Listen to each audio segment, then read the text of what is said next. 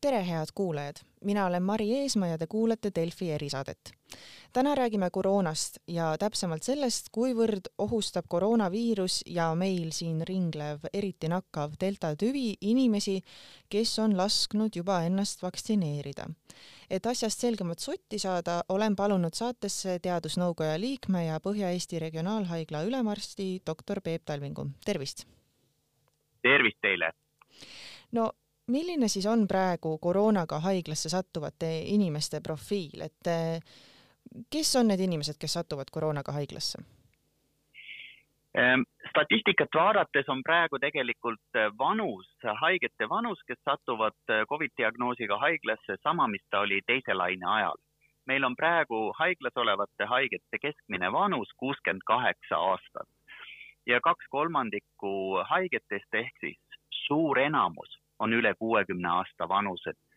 ja, ja just need ähm, kaheksakümmend, kaheksakümmend, kaheksakümmend pluss vanusega haiged, kes on haiglates, on see kõige suurem koormus äh, tervishoiusüsteemile kas te olete ka täheldanud, et kas nendel inimestel, kes haiglasse satuvad, äh, on ka rohkem selliseid äh, kroonilisi haigusi? Ilmselge on see, et kaheksakümne ja seal lähedal olevates vanustes on palju kroonilisi haigusi. Ja need kõige tavalisemad kroonilised haigused on, on tavahaigused, olgu see vererõhutõbi, südamepuudulikkus, suhkruhaigus, liigesehaigused, erinevad nakkushaigused, seedetrakti tõved.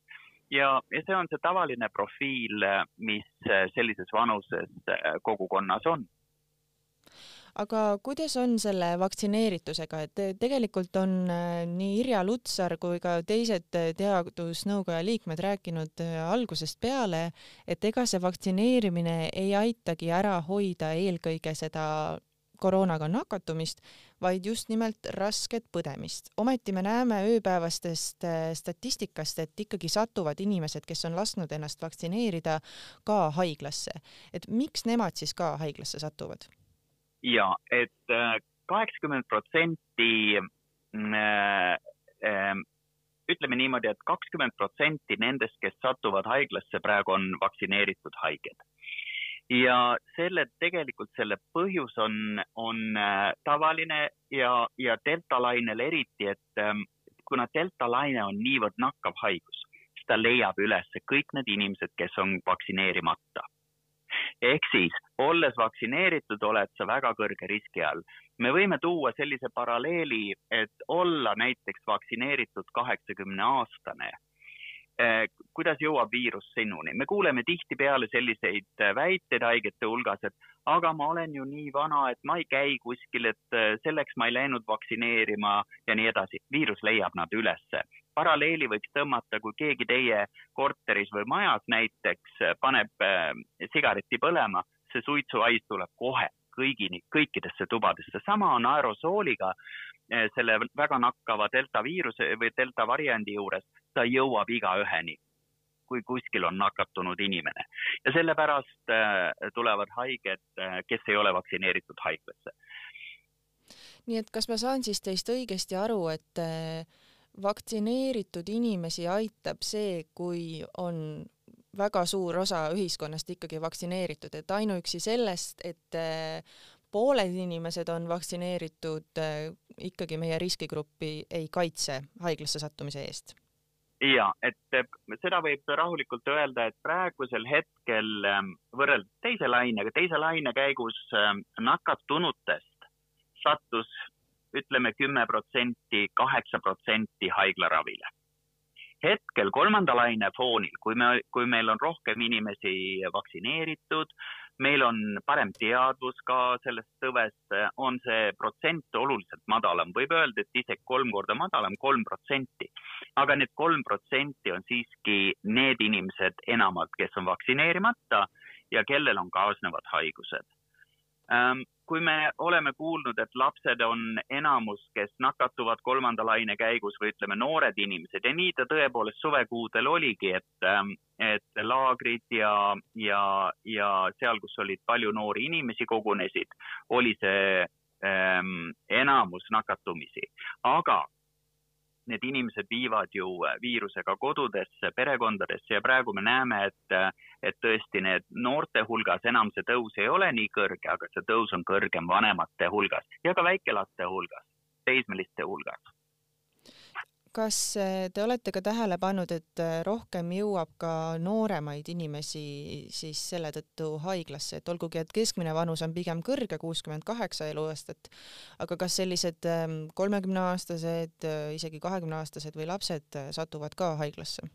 ei, meil on lastehaiglas on väga väike hulk, meil on, meil on üks või kaks haiget, kes on laste, lastehaiglas, aga ei seda ei saa kuidagi öelda, nooremaid on väga vähe, ma olen näinud, ma seiran iga päev äh, hospitaliseerimisi ja, ja kõige nooremad võib-olla, et on seal nelikümmend ja nelikümmend pluss, aga kuuskümmend, kuuskümmend seitse protsenti on üle kuuekümne aastased tuleme korraks tagasi selle vaktsineerimise juurde ka, et ma olen aru saanud sellest, et ikkagi kui sa, kui mm, vaktsineerimiskuur on lõpetatud, see tähendab siis seda, et äh, vastavalt küll tootjale, aga enamasti seda, et kaks doosi on käes. kas nende inimeste haiglaravi kulg läheb ka kuidagi kergemalt, et olgugi, et nad on nüüd äh, ennast lasknud äh, kaitse pookida, nad satuvad kõige kiuste siiski haiglasse, aga kas nendel möödub see haiglaravi kulg kergemalt? Eh, ma, ma tahaksin siinkohal öelda kõigepealt, et eh, ütleme, et need eh, vanad ja haprad inimesed kaasnevate haigustega, et vaktsineerimise juures tuleb ka mõelda sellele, et vaktsiin peab tekitama neutraliseerivaid antikehasid. ja me teame seda täpselt, et vanade ja hapraste inimeste juures see antike, antikehade tekitamine ei ole võib-olla sama äh, aktiivne, kui ta on, kui ta on nooremate inimeste juures. ehk siis äh, vaktsiin vanemate inimeste juures äh, võib-olla, et vajab seda täiendavat kolmandat doosi. olgu see, meil on erinevaid, erinevaid definitsioone nüüd sellele kolmandale doosile. üks definitsioon oleks, oleks näiteks täiendusdoos, mis on, mis on siis kolmas doos ja manustatakse põhivaktsineerimise otsese jätkuna ja see on siis, ütleme, seal tekib sihtgrupp, kellel seda teha. ja teine termin kolmanda doosi all võiks olla tõhustusdoos, mis on siis ähm, äh, äh, ütleme, vaktsineerimise tavapraktika, mida tehakse nii, olgu see olgu see näiteks teetanuse vaktsiin, me teame ju seda, et kalendervaktsiin on, tehakse siis, kui laps käima hakkab ja kolmeaastaselt ja nelja-aastaselt ja kümneaastaselt ja nii edasi, need on tõhustusdoosid. aga täiendav doos oleks siis eri nagu, erivaktsineerimise ähm, lisadoos, mida tehakse nendele inimestele, kes on immuunpuudulikud, ehk siis vastusena teie küsimusele, need inimesed, kes satuvad haiglasse, neil on kehvemad äh, võimalused tekitada äh, antikehasid piira, piirava, piisavas hulgas ja nad satuvad haiglasse. nii et ühesõnaga, kui inimene on juba haiglasse sattunud, siis selles suhtes vahet ei ole, palju tal neid vaktsiinidoose on või ei ole? Jah, sellest ei ole, need, need haprad inimesed, kes on suure viirusekoormusega haiglasse sattunud ja saanud endale kopsupõletikku, seal suurt vahet ei ole. aga mäletada tuleb seda, et risk nakatuda deltalaine ajal, need on nüüd Eesti andmed, juuli-augusti andmetel neli korda vähem ehk siis nelisada protsenti väiksem tõenäosus sattu, nakatuda, kui sa oled vaktsineeritud. Teine väide, mis tuleb meeles pidada, on see, et kui ka nakatumine peaks toimuma, on vaktsineeritul kakssada protsenti väiksem tõenäosuses haiglasse sattuda. ja kokku võib öelda niimoodi, et vaktsineerimata isikul on kaheksasada protsenti suurem risk põdeda rasket Covidi haigust. no ühesõnaga, ma saan aru, et teie sõnum on ikkagi, et vaktsineerida, vaktsineerida, vaktsineerida. absoluutselt ja kui me hakkame, hakkasime rääkima siin varem äh, kolmandast doosist, olgu see siis täiendusdoos või, või tõhustusdoos, äh, ükskõik mis termini all me midagi kasutame, tuleb mõelda sellele, et kolmas doos äh, tuleb siis käiku, kui esimene doos, esimene ja teine doos on, on, on laialt ja paljudele antud. Ehk siis ei tohiks kuidagi selle kolmanda doosi foonil mõelda seda, et me kuidagi takistame või, või selle ressursiga, kes seda doosi annavad, kuidagi me ütleme, varjame seda esimese ja teise kõige olulisema doosi andmist. ja me oleme, me oleme Teadusnõukojas nüüd seda kolmandat doosi palju arutanud ja leidnud seda, et selle täiendava doosi eesmärk on sama, vähendada viiruse levikut, vältida haigestumist, eelkõige raskete haiguste, hospitaliseerimist ja surma. ja aga, et ähm, ähm esimese do teise doosi andmine peab jõudsalt ja väga jõudsalt edasi minema ja siis me hakkame nüüd rahulikult mõtlema kolmanda doosi andmist. ja, ja mis on need sihtrühmad ja, ja lub-, me, me ei saa praegu kolmandat doosi anda, sest et eh, ei ole Euroopa Ravimiamet andnud selle täiendava kolmanda doosi andmise luba, ei ole Ravimiamet Eestis sellist off-label kasutust, eh, kasutusluba andnud. aga ma usun, et eh, lähemate kuude jooksul see otsus tehakse Euroopa Ravimiameti poolt ja me hakkame ka seda Eestis tegema no ma saan aru, et otsuseid praegu ei ole, aga kas te oskate aimata, millal need kolmandad doosid võiksid käiku hakata minema, et praegu või noh, kuskil siin detsembri lõpus saab juba aasta aega täis sellest, kui esimesed inimesed Eestis eh, ju said oma vaktsiinidoosid ja aga äh, siin on kaks nagu asja, millest, mida tuleb nagu äh, äh, mainida. üks on see, et äh, teatud grupil inimestel ei teki efektiivne vastus heast vaktsiinist. ja teine on see, et see äh, ütleme, immuunokompetentsus äh, kulub ära.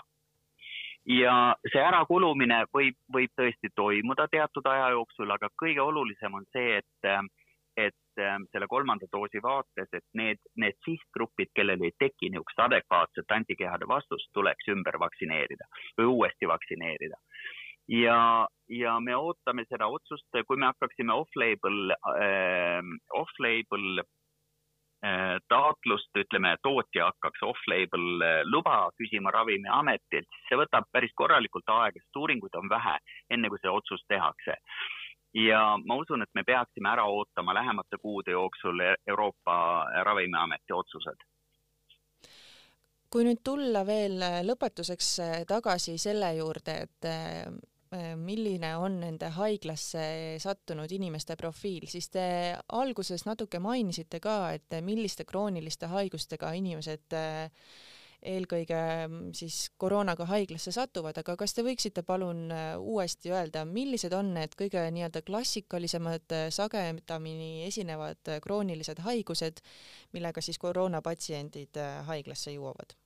ja, ja need on ju tavahaigus, need on vererõhutõbi ehk siis südame ja veresoonte haigused, südame puudulikkused, ähm, on inimesed, kellel on krooniline äh, kopsuhaigus, nendel inimestel ei ole ju palju vaja viirust selleks, et nad äh, läheksid hingamispuudulikkusesse. ehk siis tavahaigused ja, ja liigesehaigused, nakkushaigused, äh, mis nad haigeks teevad ja, ja siis on, viirus tuleb veel juurde ja ongi haig-, haiglaravi vajadus olemas. No aitäh, doktor Peep Talving, et seda koroona teemat, mis küll on peaaegu juba kaks aastat meie igapäevane teema, jälle ikkagi on keeruline, aitasite seda lahti mõtestada, nii et igatahes suur-suur aitäh teile. ja aitäh ja, ja, ja mingem kõik vaktsineerima, see on ainuke, mis meid sellest uutest ja uutest lainetest välja viib. Jah, seda hoiame kindlasti meeles, nii et head kuulajad, aitäh, et kuulasite tänast erisaadet, saates oli doktor Peep Talving. Kuulmiseni